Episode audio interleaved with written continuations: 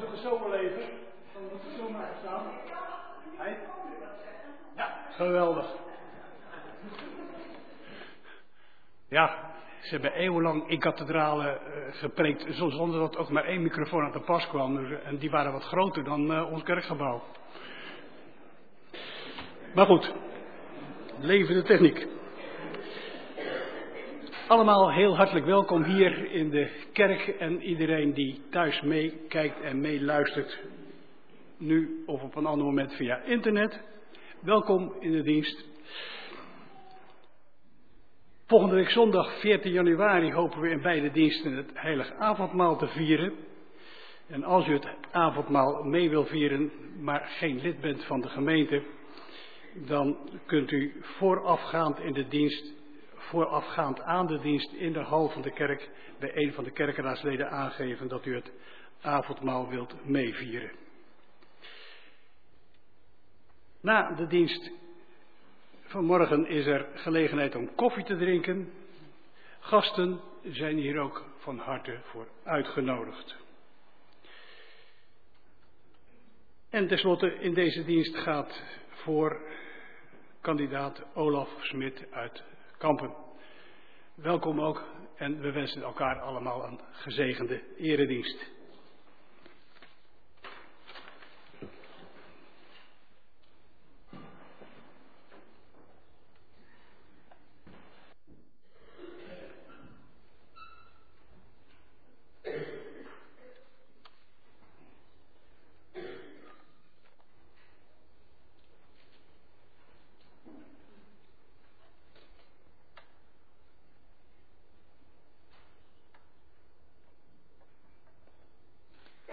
Laten we gaan staan om onze afhankelijkheid van onze God te beleiden.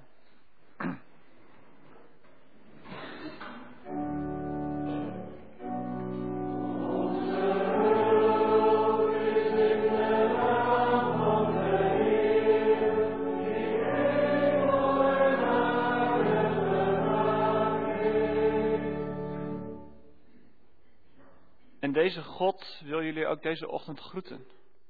En hij zegt, genade zij jullie en vrede van God de Vader en van de Zoon, Jezus Christus.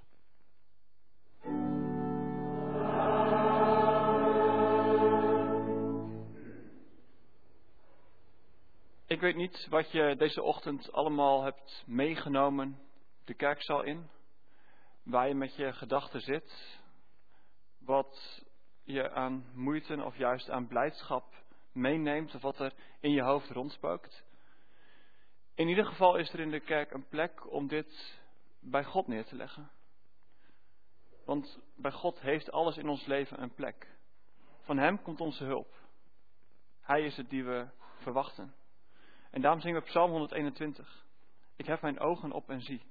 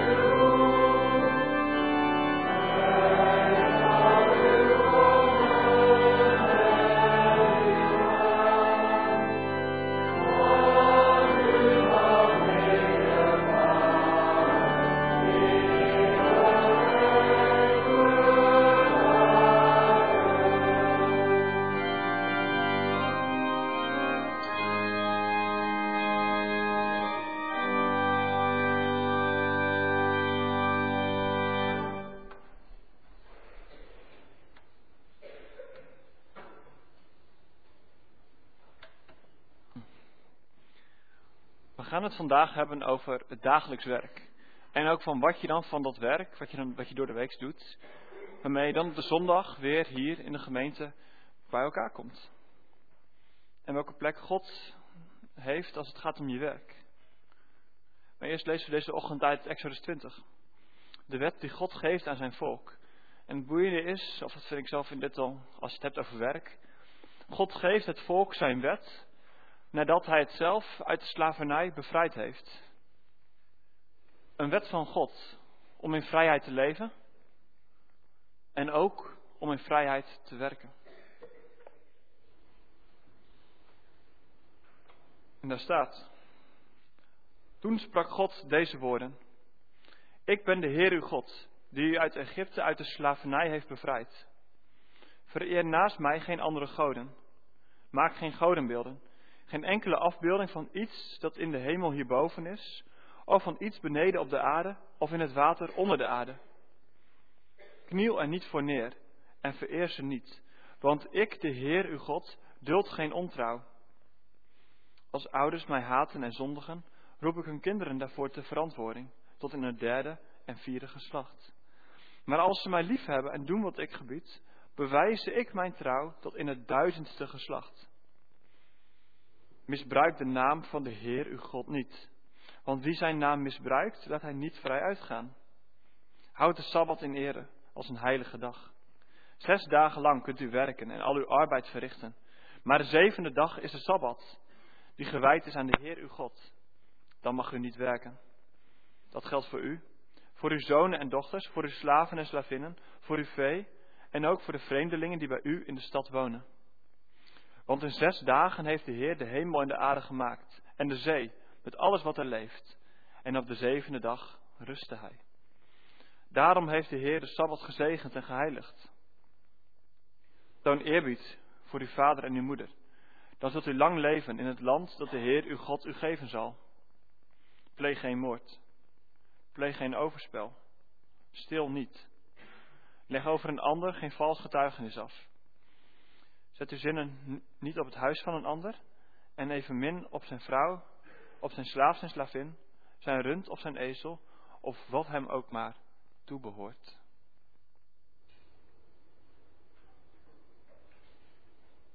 Als antwoord op deze leefregels zingen we gezang 169. Wees eerlijk, doe de mensen recht.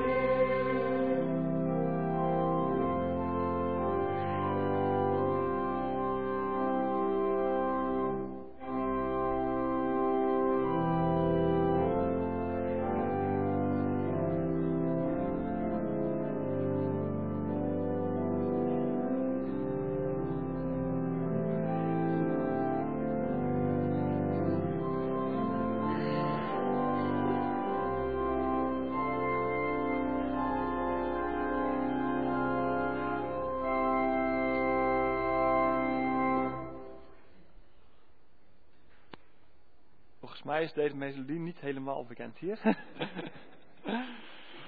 ja, ik hoop in ieder geval dat de tekst is binnengekomen en ook steeds het refrein aan het einde van ieder couplet. Net zoals Exodus 20 begint. Ik ben de Heer. Het zijn niet leefregels omdat je zegt, ja weet je, oh, het is ook wel prettig als we niet stelen. Het is ook wel prettig als we geen overspel plegen. Maar nee, het zijn geboden die we meekrijgen omdat onze God, de Heer, het van ons vraagt. En tot deze God richten wij ons in gebed.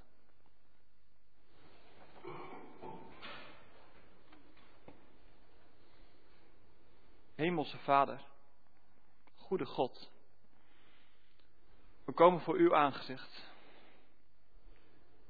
Als gemeente, met allemaal eigen levens, hier op de zondag bijeen, of digitaal aanwezig.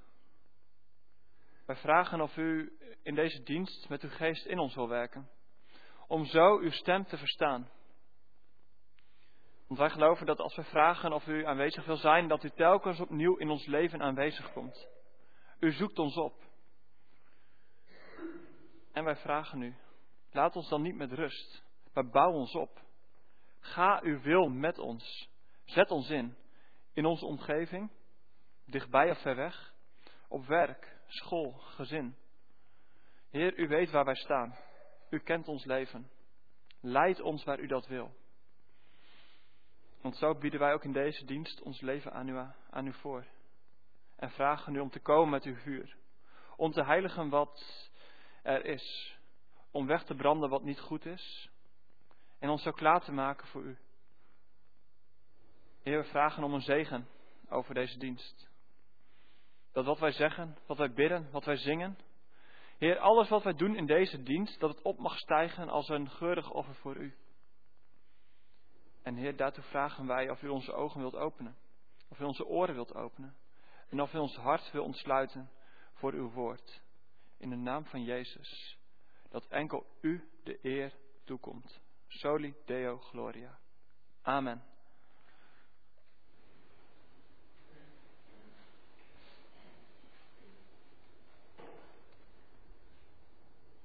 Als God verschijnt, als God aanwezig is, dan is dat ook vaak licht. Licht in duister. Licht in hoe de wereld er ook verder maar uit mag zien. En daar willen we van zingen. Opwekking 595.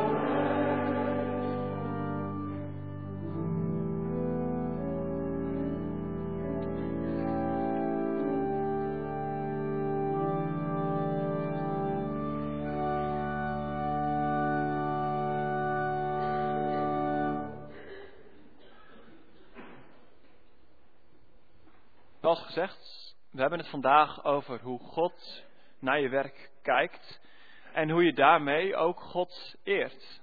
Hoe je daarmee naar God toe mag. Dat het aanbidden van God niet iets vaags is of iets spiritueels, maar dat het echt is. Het gaat om het echte leven, deze schepping. En daarom lezen we eerst, ja, je kan zeggen, de instelling van het werk in Gods schepping.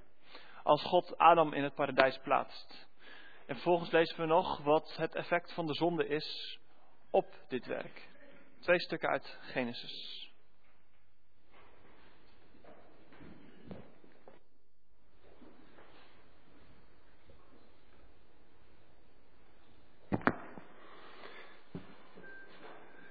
Genesis 2, vers 18. De Heer God zei: Het is niet. Nee, volgens mij begint verkeerd. Uh, vers 8, daar begin ik. 2 vers 8. De Heer God legde in het oosten, in Eden, een tuin aan. En daarin plaatste hij de mens, die hij had gemaakt. Hij liet uit de aarde allerlei bomen opschieten, die er aanlokkelijk uitzagen, met heerlijke vruchten. In het midden van de tuin stond de levensboom en de boom van de kennis van goed en kwaad. Er ontspringt in Eden een rivier die de tuin bevloeit. Verderop vertakt ze zich in vier grote stromen. Eén daarvan is de Pison, die stroomt om heel Gabila heen, het land waar goud gewonnen wordt. Het goud van het land is uitstekend. En er is daar ook balsemhart en onyx. De tweede rivier heet Gigon, die stroomt om heel Nubië heen. De derde rivier heet Tigris, die loopt ten oosten van Assyrië. En de vierde tenslotte is de Eufraat. De Heer God bracht de mens dus in de tuin van Eden om die te bewerken en erover te waken. Hij legde hem het volgende verbod op. Van alle bomen in de tuin mag je eten, maar niet van de boom van de kennis van goed en kwaad. Wanneer je daarvan eet, zul je onherroepelijk sterven. En dan hoofdstuk 3, vers 17 tot 19, tot 18. Tegen de mens zei hij, je hebt geluisterd naar je vrouw, gegeten van de boom die ik je had verboden. Vervloekt is de akker om wat jij hebt gedaan. Zwoegen zul je om ervan te eten, je hele leven lang. Dorens en distels zullen er groeien, toch moet je van zijn gewassen leven. Zweten zul je voor je brood, totdat je terugkeert tot de aarde waaruit je bent genomen. Stof ben je, tot stof keer je terug.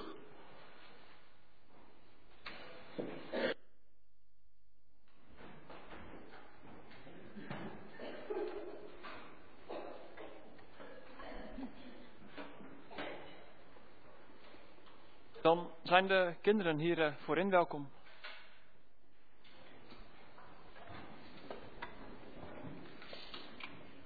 Waar gaan jullie maar zitten?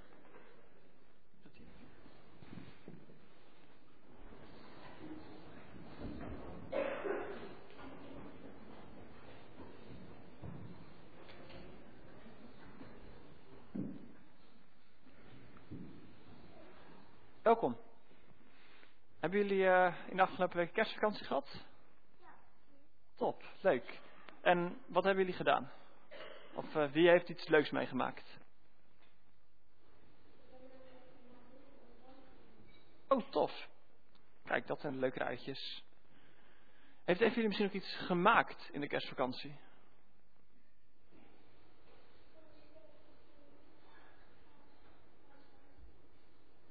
Ah, maar heb je ook iets gemaakt? Is er iets gemaakt? Heb je iets gemaakt?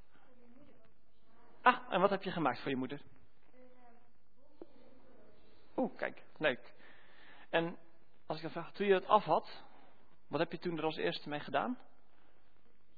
Oh, verstopt, ja, natuurlijk. ja.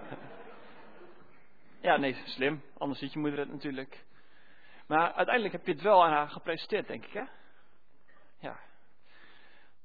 Dat is namelijk waar we het ook vandaag een beetje over gaan hebben. Namelijk over als je iets maakt, wat je er dan mee doet. Zeg maar, ik heb hetzelfde. Zeg maar, uh, ik had vroeger altijd, speelde ik veel met Lego. En als ik dan iets gemaakt had, was het eerste wat je dan doet als je iets gemaakt had, nou, ik ging dan ofwel naar mijn broertje toe of naar mijn vader. En dan liet ik zien, kijk, kijk wat ik gemaakt heb. En liet ik zien en daarna kreeg ik dan te horen, oh wat mooi, of iets in die richting. En dan ging ik nog steeds, zeg maar, uh, nu loop ik hard en zet ik dan de hardloopdingen in een hardloop-app. En eigenlijk stuur ik het dan naar allemaal vrienden. en die mogen ook weer zeggen, oh wat mooi. En allemaal uit beleefdheid natuurlijk. En zo gaat het eigenlijk ook gewoon met heel veel dingen in het werk. Hè. Je doet iets en vervolgens laat je het aan iemand wat zien. Dus het kan zijn met Lego. Het kan ook zijn dat als je net bijvoorbeeld in een computerspelletje iets hebt bereikt, dat je dan snel je broertjes, zusjes erbij trekt en zegt: Kijk, het is gelukt. In ieder geval, dat deed ik wel altijd. En het boeiende is, zeg maar, eigenlijk op eenzelfde soort manier werkt het ook met God. Je kan hier, zeg maar, je kan heel wat mooie dingen doen. Je kan een box met uh, cadeautjes voor je moeder maken. En dat laat je dan aan je moeder zien. Maar op dezelfde manier kan je ook eigenlijk aan je werk zeg maar, zo, aan God geven. Dat je tegen God zegt, kijk, kijk wat er vandaag is gelukt.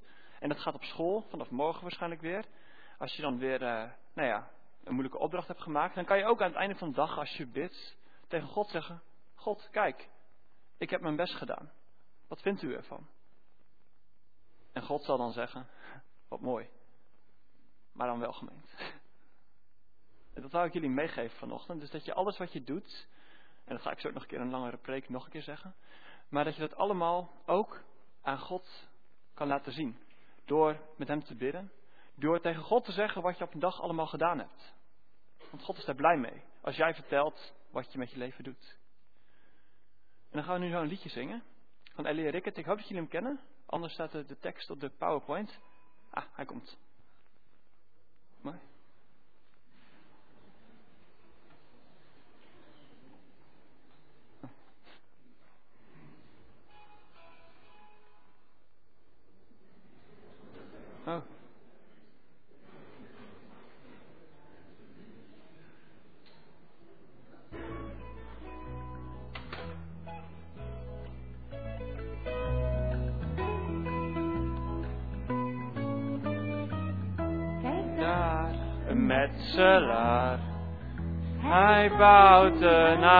Van steen, al de stenen netjes naast elkaar.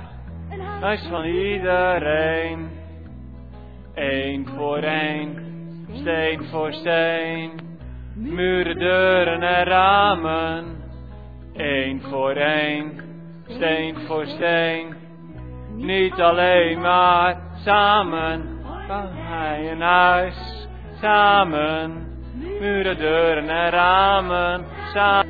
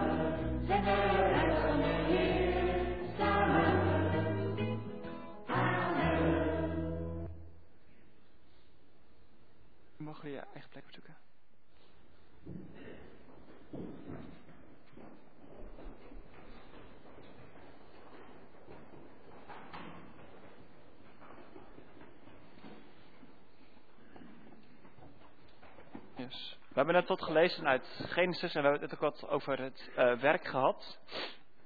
Maar in de preek gaat het over het boek Spreuken. Want in Spreuken zijn best wel een aantal spreuken over het werk te lezen. En Spreuken gaat eigenlijk als boek gewoon over het gewone leven.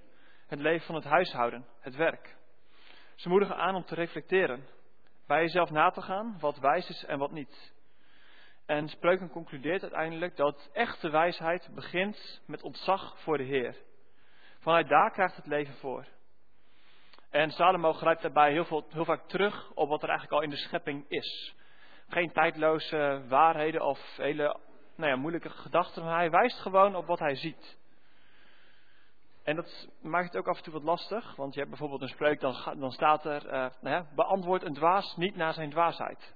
En dan, vers verderop staat er, beantwoord een dwaas wel naar zijn dwaasheid. Wat moet je dan? En volgens mij is het dan juist wijsheid om te weten wanneer je het ene doet en wanneer het ander. En zo lees je volgens mij het boek Spreuken. En dan gaat het om welke houding je aanneemt als je aan de slag wil gaan in deze schepping van de Heer. En na de preek zullen we, zullen we zingen. En dan zingen we Psalm 90, de versen 1 en 8.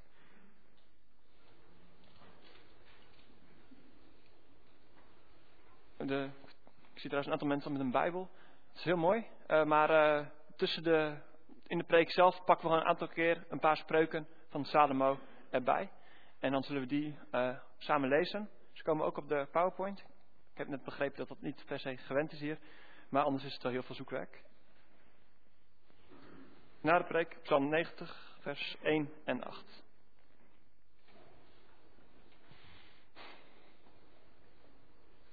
Hoe zit je hier? Wat bracht jij vanochtend mee toen je over de drempel van de kerk stapte? Waar ben je in de afgelopen week mee bezig geweest? Had je nog vakantie? Of moest je aan het werk? Of was het zo'n geval dat je, je had wel vakantie, maar in je hoofd zat je toch wel vooral op het werk? Een groot deel van het leven bestaat uit werk. En toch voelt het, of in ieder geval, ik ervaar die kloof wel, dat er een soort van andere wereld lijkt te zijn soms op de zondag, waar we het hier over hebben, als we hier zijn, en als maandag de werkweek weer begint. Dan voelt die zondagse dienst in een nou ja, misschien wel in, een andere werkelijkheid plaats te vinden. Dan gaat de zondag, is een ruimte voor het geestelijke, het, het hogere. Maar maandag gaat het dan om het echte leven. En voor mij betekent dat dat als ik morgen weer op mijn werk kom, dan mag ik me weer buigen over de financiën van onze afdeling van 2023.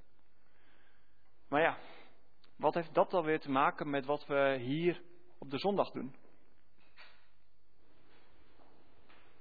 En wat heeft het leven van de maandag dus te maken met de zondag? En waar kom je dan vervolgens op zondag weer de kerk mee binnen? Wat van de werkweek heeft hier een plek? Want de zondag is voor veel van ons een rustdag. Een dag om uit te rusten. En dat is goed. En toch zou dat weer niet moeten betekenen, volgens mij, dat het door de weekse leven, nee, dan haast stilgezwegen wordt. Want het punt is, is dat de God tot wie we vandaag bidden, de God tot we vandaag zingen, dat is ook de God die er morgen in je werk bij is, die meegaat. En daarom willen we vandaag kijken naar een aantal spreuken van koning Salomo, die dan specifiek over werk gaan, of waar een link te leggen is met werk. Want we hebben net wat gelezen uit uh, Genesis en dan gaat het over juist de eerste keer dat er gesproken wordt over werk. Over hoe Adam een plek krijgt in het paradijs, in de schepping van God, waar hij dan aan de slag mag. En wat het gevolg is, maar dat heb ik net niet erbij gezegd, maar ik denk dat je het wel paraat hebt van dus, en daarna Genesis 3. Wat er gebeurd is na de zondeval. Welke vloek er wordt uitgesproken ook over het werk. Werk is mooi, maar werk is soms ook pijnlijk. Ja, en ik zeg dan wel, het gaat dan over werk. Maar dan moet je niet alleen maar denken aan de, de 9 tot 5 fulltime baan. Volgens mij gaat het dan net zo goed over als je nog op school zit, of je vrijwilligerswerk doet, als je het huishouden thuis runt, of op welke andere manier je ook maar, nou ja, je overdag inzet. Het gaat in ieder geval over wat je in een week doet waarmee je op de zondag weer hier naar binnen komt. En daar wijst de plaats op de PowerPoint ook heel mooi op. Het is gemaakt door mijn vrouw. En ja, dus laat eigenlijk zien van ook met hoeveel je hier de kerk mee binnenkomt. En, heb ik, nou en wat is er nou nog een beter beeld voor werk in deze tijd dan de laptop? Als in, ik denk dat bijna iedereen die iets qua werk doet, daarvoor afhankelijk is van een laptop geworden. En hier zit je met allemaal verschillende banen. Je kan haast zeggen een oceaan aan, aan banen. Kom je op de zondag hier. Maar wat heeft, dan, wat heeft het dan te maken met wat we hier doen? Wat heeft God te zeggen over het werk dat je doet? Hoe kijkt God daarna? En daarvoor hoop ik dat die spreuken ons verder brengen. En wat het dan betekent als je vol, ontzag voor God aan het werk gaat. En dan kijken we naar vijf soorten spreuken. We kijken naar spreuken die gaan over nou ja, het samen vieren. We kijken naar spreuken die gaan over het, nou ja, het samen huilen. Over het samen rouwen. Het samen bidden. En samen danken voor wat God geeft in je werk. En hoe dat allemaal een plek heeft. En dan eerst samen vieren van wat goed is in het werk. Dan lezen we uit 13 vers 11 en 16 vers 8. En daar staat: In de schoot geworpen rijkdom is snel weer verdwenen. Gestage groei maakt rijk. Betere schamel bezit, rechtvaardig verworven, dan een grote rijkdom, verkregen door onrecht. Ja. Wat zeggen de spreuken nou over je werk? Het oude jaar is net afgesloten. En wellicht heb je in je eigen bedrijf in het afgelopen jaar een goed jaar achter de rug gehad. Of heb je net op school je halfjaarsbeoordeling gehad. Of kreeg je als werknemer een winst- of eindejaarsuitkering. Kortom, er is wat te vieren. Nou, neem dan een, de kerkdienst, het tweede gebed. Maar na de preek danken we en doen we voorbeden. En daarin brengen we danken gebedspunten uit de gemeente bij God. En dan hoor je vaak, we, we bidden en danken voor ziekte, jubilea, levensmomenten. Maar voor ons werk heb ik zelf in ieder geval nog nooit gebed gevraagd. Ook niet als ik wel wat te vieren had. En zou het niet goed zijn als we ook wel eens danken voor promoties, uitbreidingen van iemands bedrijf? En wat te denken van al het vrijwilligerswerk dat ook hier waarschijnlijk in deze gemeente verzet wordt. Ik weet niet hoe het hier is, maar ik ben gewend dat je in ieder geval bijvoorbeeld dankt voor het behalen van de middelbare schooldiploma's. Maar zou er niet nog zoveel meer zijn waar je voor kan danken in de kerk? Want God is namelijk de God van het hele leven. God is er altijd. Hij gaat over alles. Spreuken van Salomo houden ons wat voor. Over de triomfen op het werk.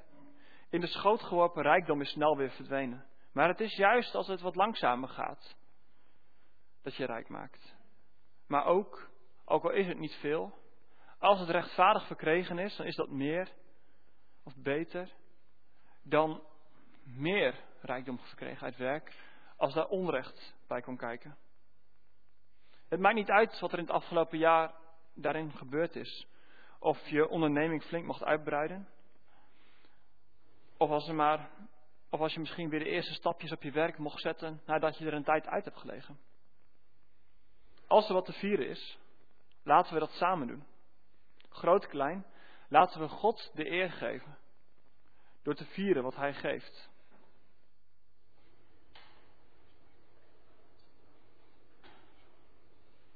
Maar het is niet eerlijk om alleen de triomfen, het vieren, bij God te brengen. Over drie spreuken. Een mens zwoegt omdat hij moet eten. Het is de honger die hem dwingt. Lui zijn in je werk is niet anders dan hard werken aan je ondergang. Ijver zonder kennis leidt tot niets. Wie overijld te werk gaat, begaat al snel een misstap. Onze God is niet dan zomaar die succesgod. Dat als je wat te vieren hebt, dan kan je dan mooi naar God toe van ja, kijk God, kijk wat we weer gedaan hebben. Maar werk is ook zwaar. Wat als de contractverlenging uitblijft? Wat als je gepest wordt? Of wat als je vakken of zelfs een heel jaar moet overdoen? Ook daar is ruimte voor bij God. Ook daarvoor heeft God eens wat te zeggen over je werk. Drie spreuken om je te laten zien, ja, het werkende leven is niet per se een feestje. Werken is ook gewoon een moedje.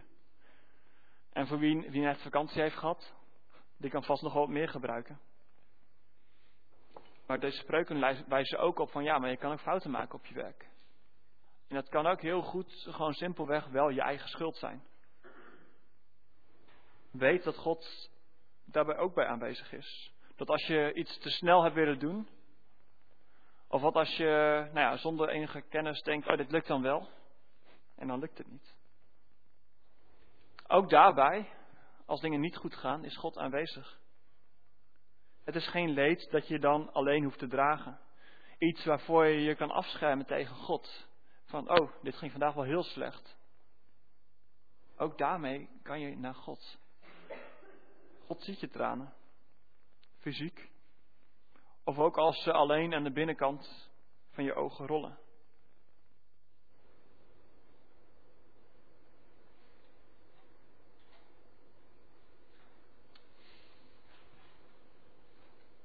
volgende spreuken. Uit hoofdstuk 20. Twee gewichten om te wegen, twee maten om te meten. Beide zijn de Heer een gruwel. Gestolen voedsel smaakt aanvankelijk goed. Maar oh, gestolen voedsel smaakt aanvankelijk goed. Maar, maar, later lijkt je mond gevuld met kiezels. Ja. En dat is die andere kant. Ook soms werk wat je moet doen, kan ook gewoon niet goed zijn. Wanneer je moet kiezen tussen twee, tussen twee kwaden, doet dat gekozen kwaad steeds pijn. Of in ieder geval op de langere termijn leert Salomo ons van ja, het komt een keer boven. Leven kan dan ook gewoon oneerlijk zijn, buiten je schuld om. Ik moet al zelf denken aan een verhaal dat ik laatst las uit uh, de jeugdzorg. Dat je ziet dat de gezinssituatie niet in orde is. Dat kinderen niet gezond groot kunnen worden. Maar dat je dan, als, je, als de kinderen 18 worden, ja, dan worden ze geacht op eigen benen te staan. En kan zomaar de begeleiding wegvallen. En als je dan daar net in werkt, kan jij niet die persoon zijn die ze nog verder helpt, terwijl je wel in alles ziet dat het nodig is.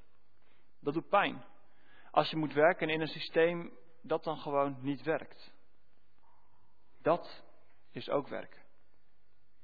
Of wat als je werkt in een kledingwinkel. Je verkoopt daar gewoon de mooiste kleding. En tegelijkertijd zie je als je dan weer kleding moet bijbestellen, bij het hoofdkantoor, bij het magazijn, dat al die kleding dan weer uit Zuidoost-Azië deze kant op wordt gescheept dat je ook wel weet waarom de prijs in jouw winkel dan zo laag is. Omdat de economie je daar simpel toe dwingt. En je weet dat het ten koste gaat van degenen die aan de andere kant van deze wereld, deze schepping wonen. Dat is ook werk. Wat dan? Hoe kijkt God naar dat werk? En vanuit Spreuken 20 zie ik dan een God een God die ook in die situatie aanwezig is. het is de Heer een gruwel, staat er, als er onrecht plaatsvindt. Winsten die niet eerlijk verkregen zijn, komen niet goed uit. Laten we dan ook met elkaar rouwen. Om de pijn in deze schepping. Waar je dagelijks in het leven mee geconfronteerd wordt. Hetgeen dat je moedeloos kan maken. Maar waar je in mee moet doen, omdat het simpelweg je werk is. Laten we ook dat dan samen bij God brengen. Want God ziet ook dat. En ook daarin is God de God van de hele schepping.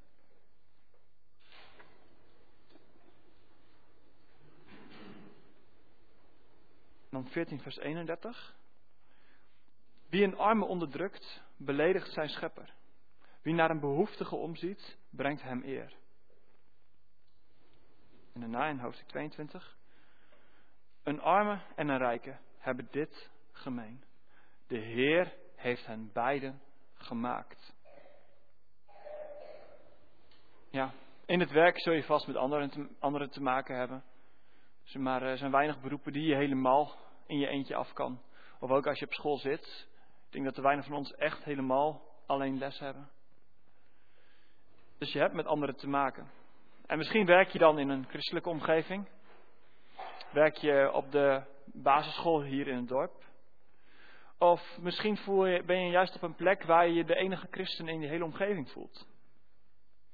Nou ja, weet dat je in ieder geval op elke van beide plekken, het maakt er niet zelf uit waar je zit, Maar dat je dan altijd ook een, nou ja, een afgezant van God bent. Kijk, je komt hier op de zondag. Je bidt tot God. Je bidt tot de schepper, die de schepper is van ieder mens, hè, arm of rijk. De Heer heeft hen beiden gemaakt. En als je deze God kent, dan betekent dat zijn geest in je is en door je heen werkt op de plek waar je door de week bent. En of dat nou in je eigen huis is, op je werk of op school. Je bent geroepen om dan iets van deze God te laten zien. En dat gaat dan ook om het omzien naar wie zwakker is dan jij. Wie minder ervaring heeft of wie snel buiten de groep valt. En met wie je in een week dan contact heeft, contact hebt, die breng je dan ook weer hier zondag over deze drempel. Door er in je gebed aan te denken. Door ook die persoon voor God te brengen. Je neemt dat verhaal ook mee.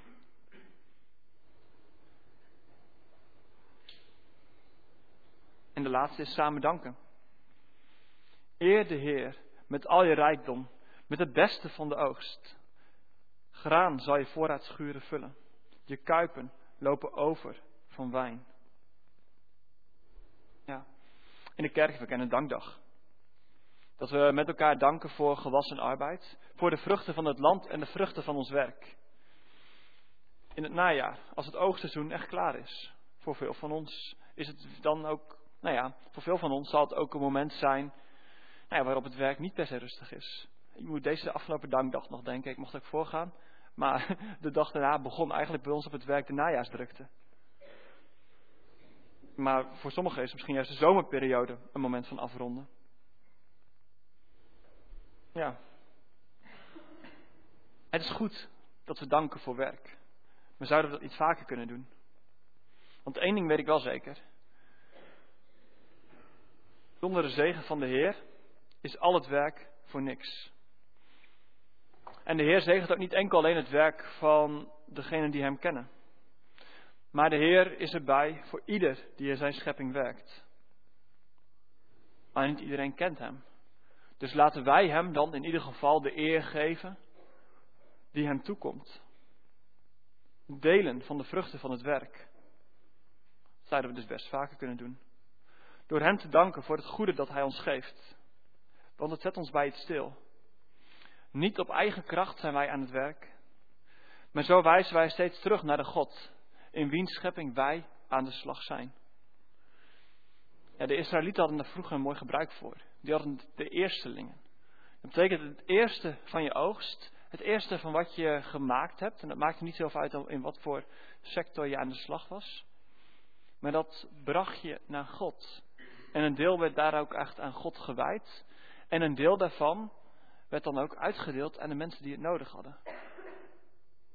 Een mooi gebruik. Ja. Wat nu? We merken natuurlijk ook gewoon een kloof met de wereld van de Bijbel. Van de samenleving zag er anders uit. Het werk ziet er anders uit.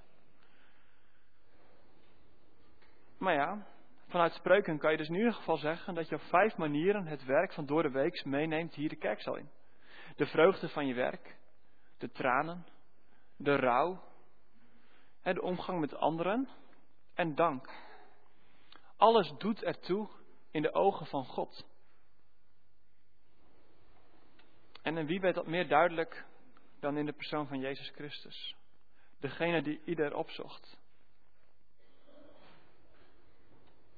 En Jezus als zoon van een timmerman was waarschijnlijk zelf ook handig. Zou vanaf jongs af aan al wat hebben meegekregen. Hij ging het land rond.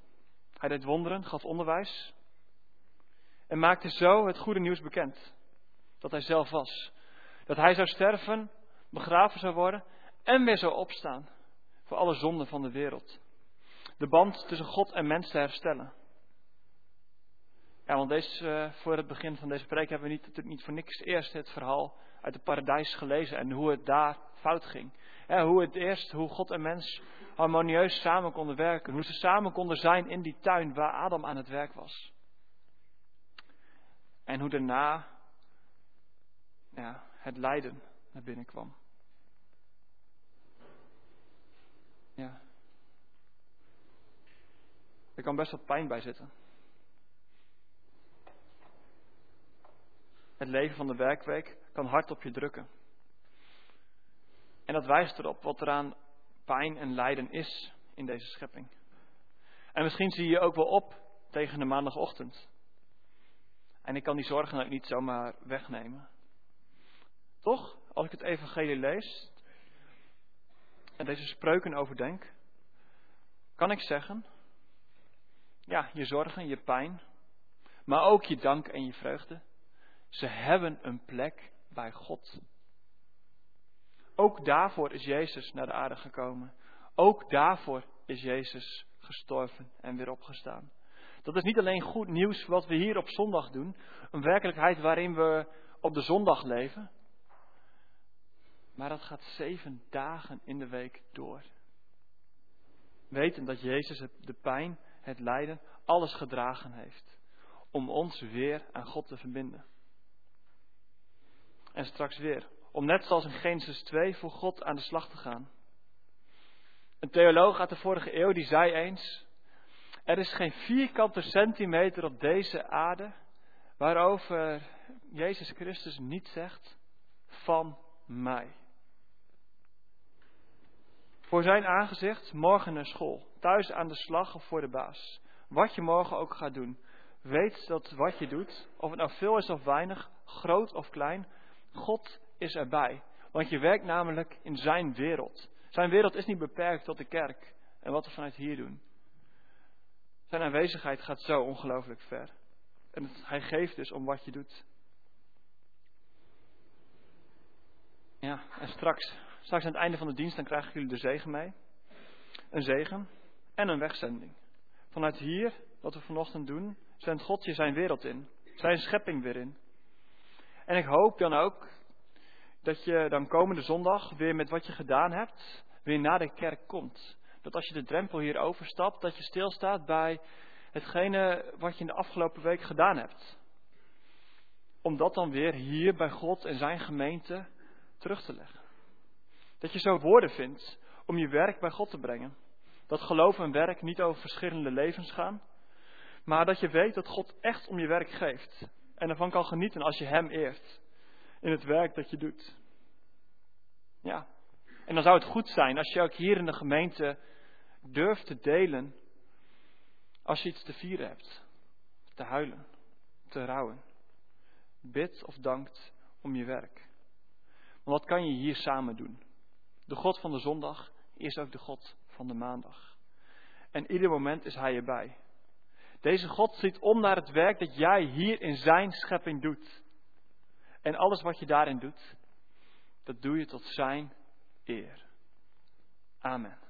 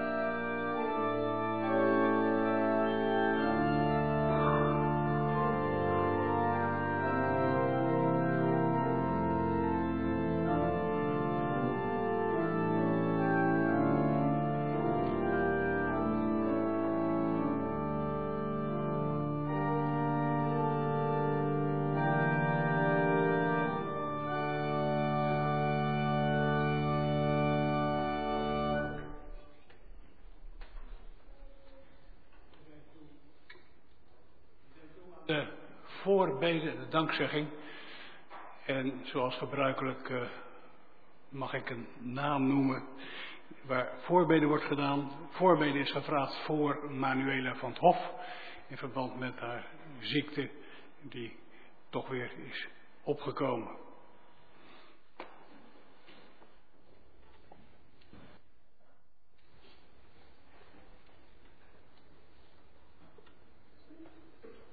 Ga ik voor in dank en gebed.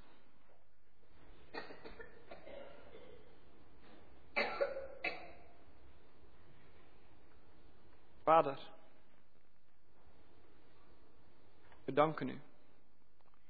We danken u dat u bezig bent.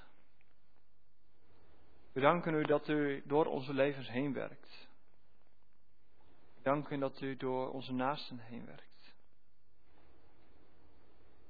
Heer, we willen u danken voor wat wij door de week mogen doen. Heer, of dat thuis is, in een bedrijf, op school of als vrijwilliger. Heer, in alles brengen we bij u. We willen in het bijzonder danken aan alle mensen die zich vorige week met oud en nieuw hebben mogen inzetten. Dat de jaarwisseling zo veilig en goed mogelijk mocht verlopen. Dank voor dat werk. Dank voor deze mensen. Heer, we willen bidden voor wie niet aan werk toekomt. Wat hij wel wil doen, maar die ziek is of door een andere reden verhinderd. Heer, we willen bidden voor de spanningen op werk, de pijn die we zien, het lijden, waar we niks aan kunnen doen en waar we wel weer mee geconfronteerd worden. Heer, we leggen ook onze collega's, onze partners, onze klasgenoten, Heer, ieder aan u voor. U kent ze. U weet wat ze nodig hebben. U weet waar wij nu aan moeten denken. Heer, toon uw aanwezigheid. Heer, we zijn nu ook dankbaar voor de vruchten van alles wat we mogen doen, voor het werk dat we mogen verzetten. En we bidden, Heer, of u het werk wil bevestigen dat de hand heeft opgevat. Ja, Heer, het werk van onze hand bevestigt dat. Heer, u bent de God die is, de God die was en de God die komt. In alles bent u erbij. In alles gaat u met ons mee. We weten dat de God die Salomo heeft leren kennen, de God met wie Adam in het paradijs liep, dat bent u. En dat is de God die ook hier vandaag hier aanwezig is. En daar zijn we u zo dankbaar voor. We kennen u als schepper en als koning van de wereld. En wij bidden of wij ook steeds meer dat koningschap mogen zien. En hem mogen leven. Weten dat u aanspraak maakt op al onze levens. Heer, dat wij trouw zijn. Dat wij niet onze kracht vinden in wat andere mensen van ons denken, of hoe wij zelf over ons denken. Maar dat wij ons in alles op u mogen richten. Weten dat hoe u naar ons kijkt, als uw geliefde schepping, voor wie u zelf naar de wereld bent gekomen. Help ons ook om als kerk, als gemeenschap zo naar elkaar om te zien. Weten dat we allen gemaakt zijn door u.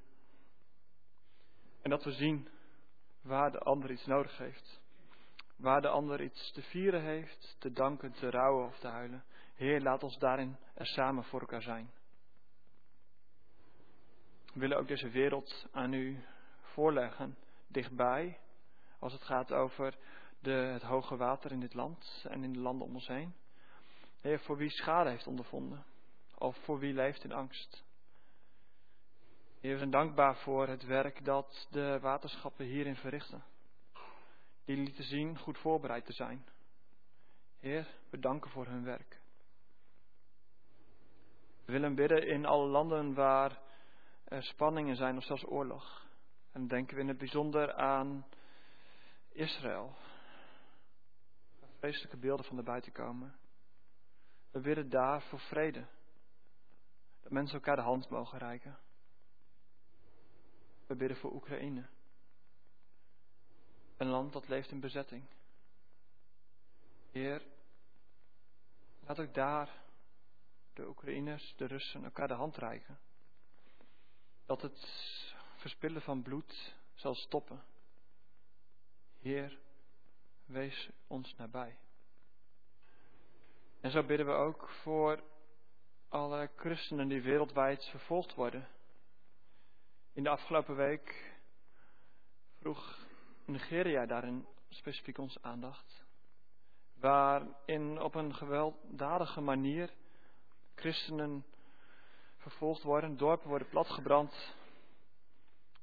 Heer, het komt voort uit een haat tegenover u. Een haat tegenover ieder die u wil volgen. Een haat tegenover de liefde. Heer, wees bij deze christenen. En laat ons ook daarin verenigd staan. Als één lichaam, wereldwijd. Als één deel leidt, leidt het hele lichaam mee. En zo is het ook hier in de gemeente. Als wij willen bidden voor Manuela. Heer, als één deel leidt, leidt het hele lichaam mee. We bidden voor haar voor kracht. Voor uw nabijheid in haar leven. En dat we telkens ook weer daarin naar elkaar om mogen zien. Heer, u kent de situatie. U weet wat zij zoekt. Wees nabij. En Heer, dat wij in dit alles, al onze gebeden, al onze dank, al onze voorbedens, dat wij toch dankbaar achter Jezus aanstappen. Dankbaar voor alles dat God doet in dit leven. Dankbaar voor een God die in onze misère is gestapt. Dankbaar dat u ons niet afrekent op onze schuld, maar die op u nam. Dank u voor het offer van de Zoon. Dat wij zullen leven tot eer van u. Amen.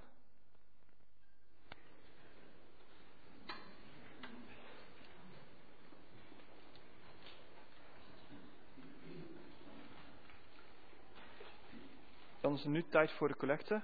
En na de collecte heffen wij nog één keer ons lied aan. In de preek ging het al even over het werken voor Gods aangezicht. Dat hij geeft over jouw werk en dat omdat je dit in zijn wereld doet, in zijn schepping.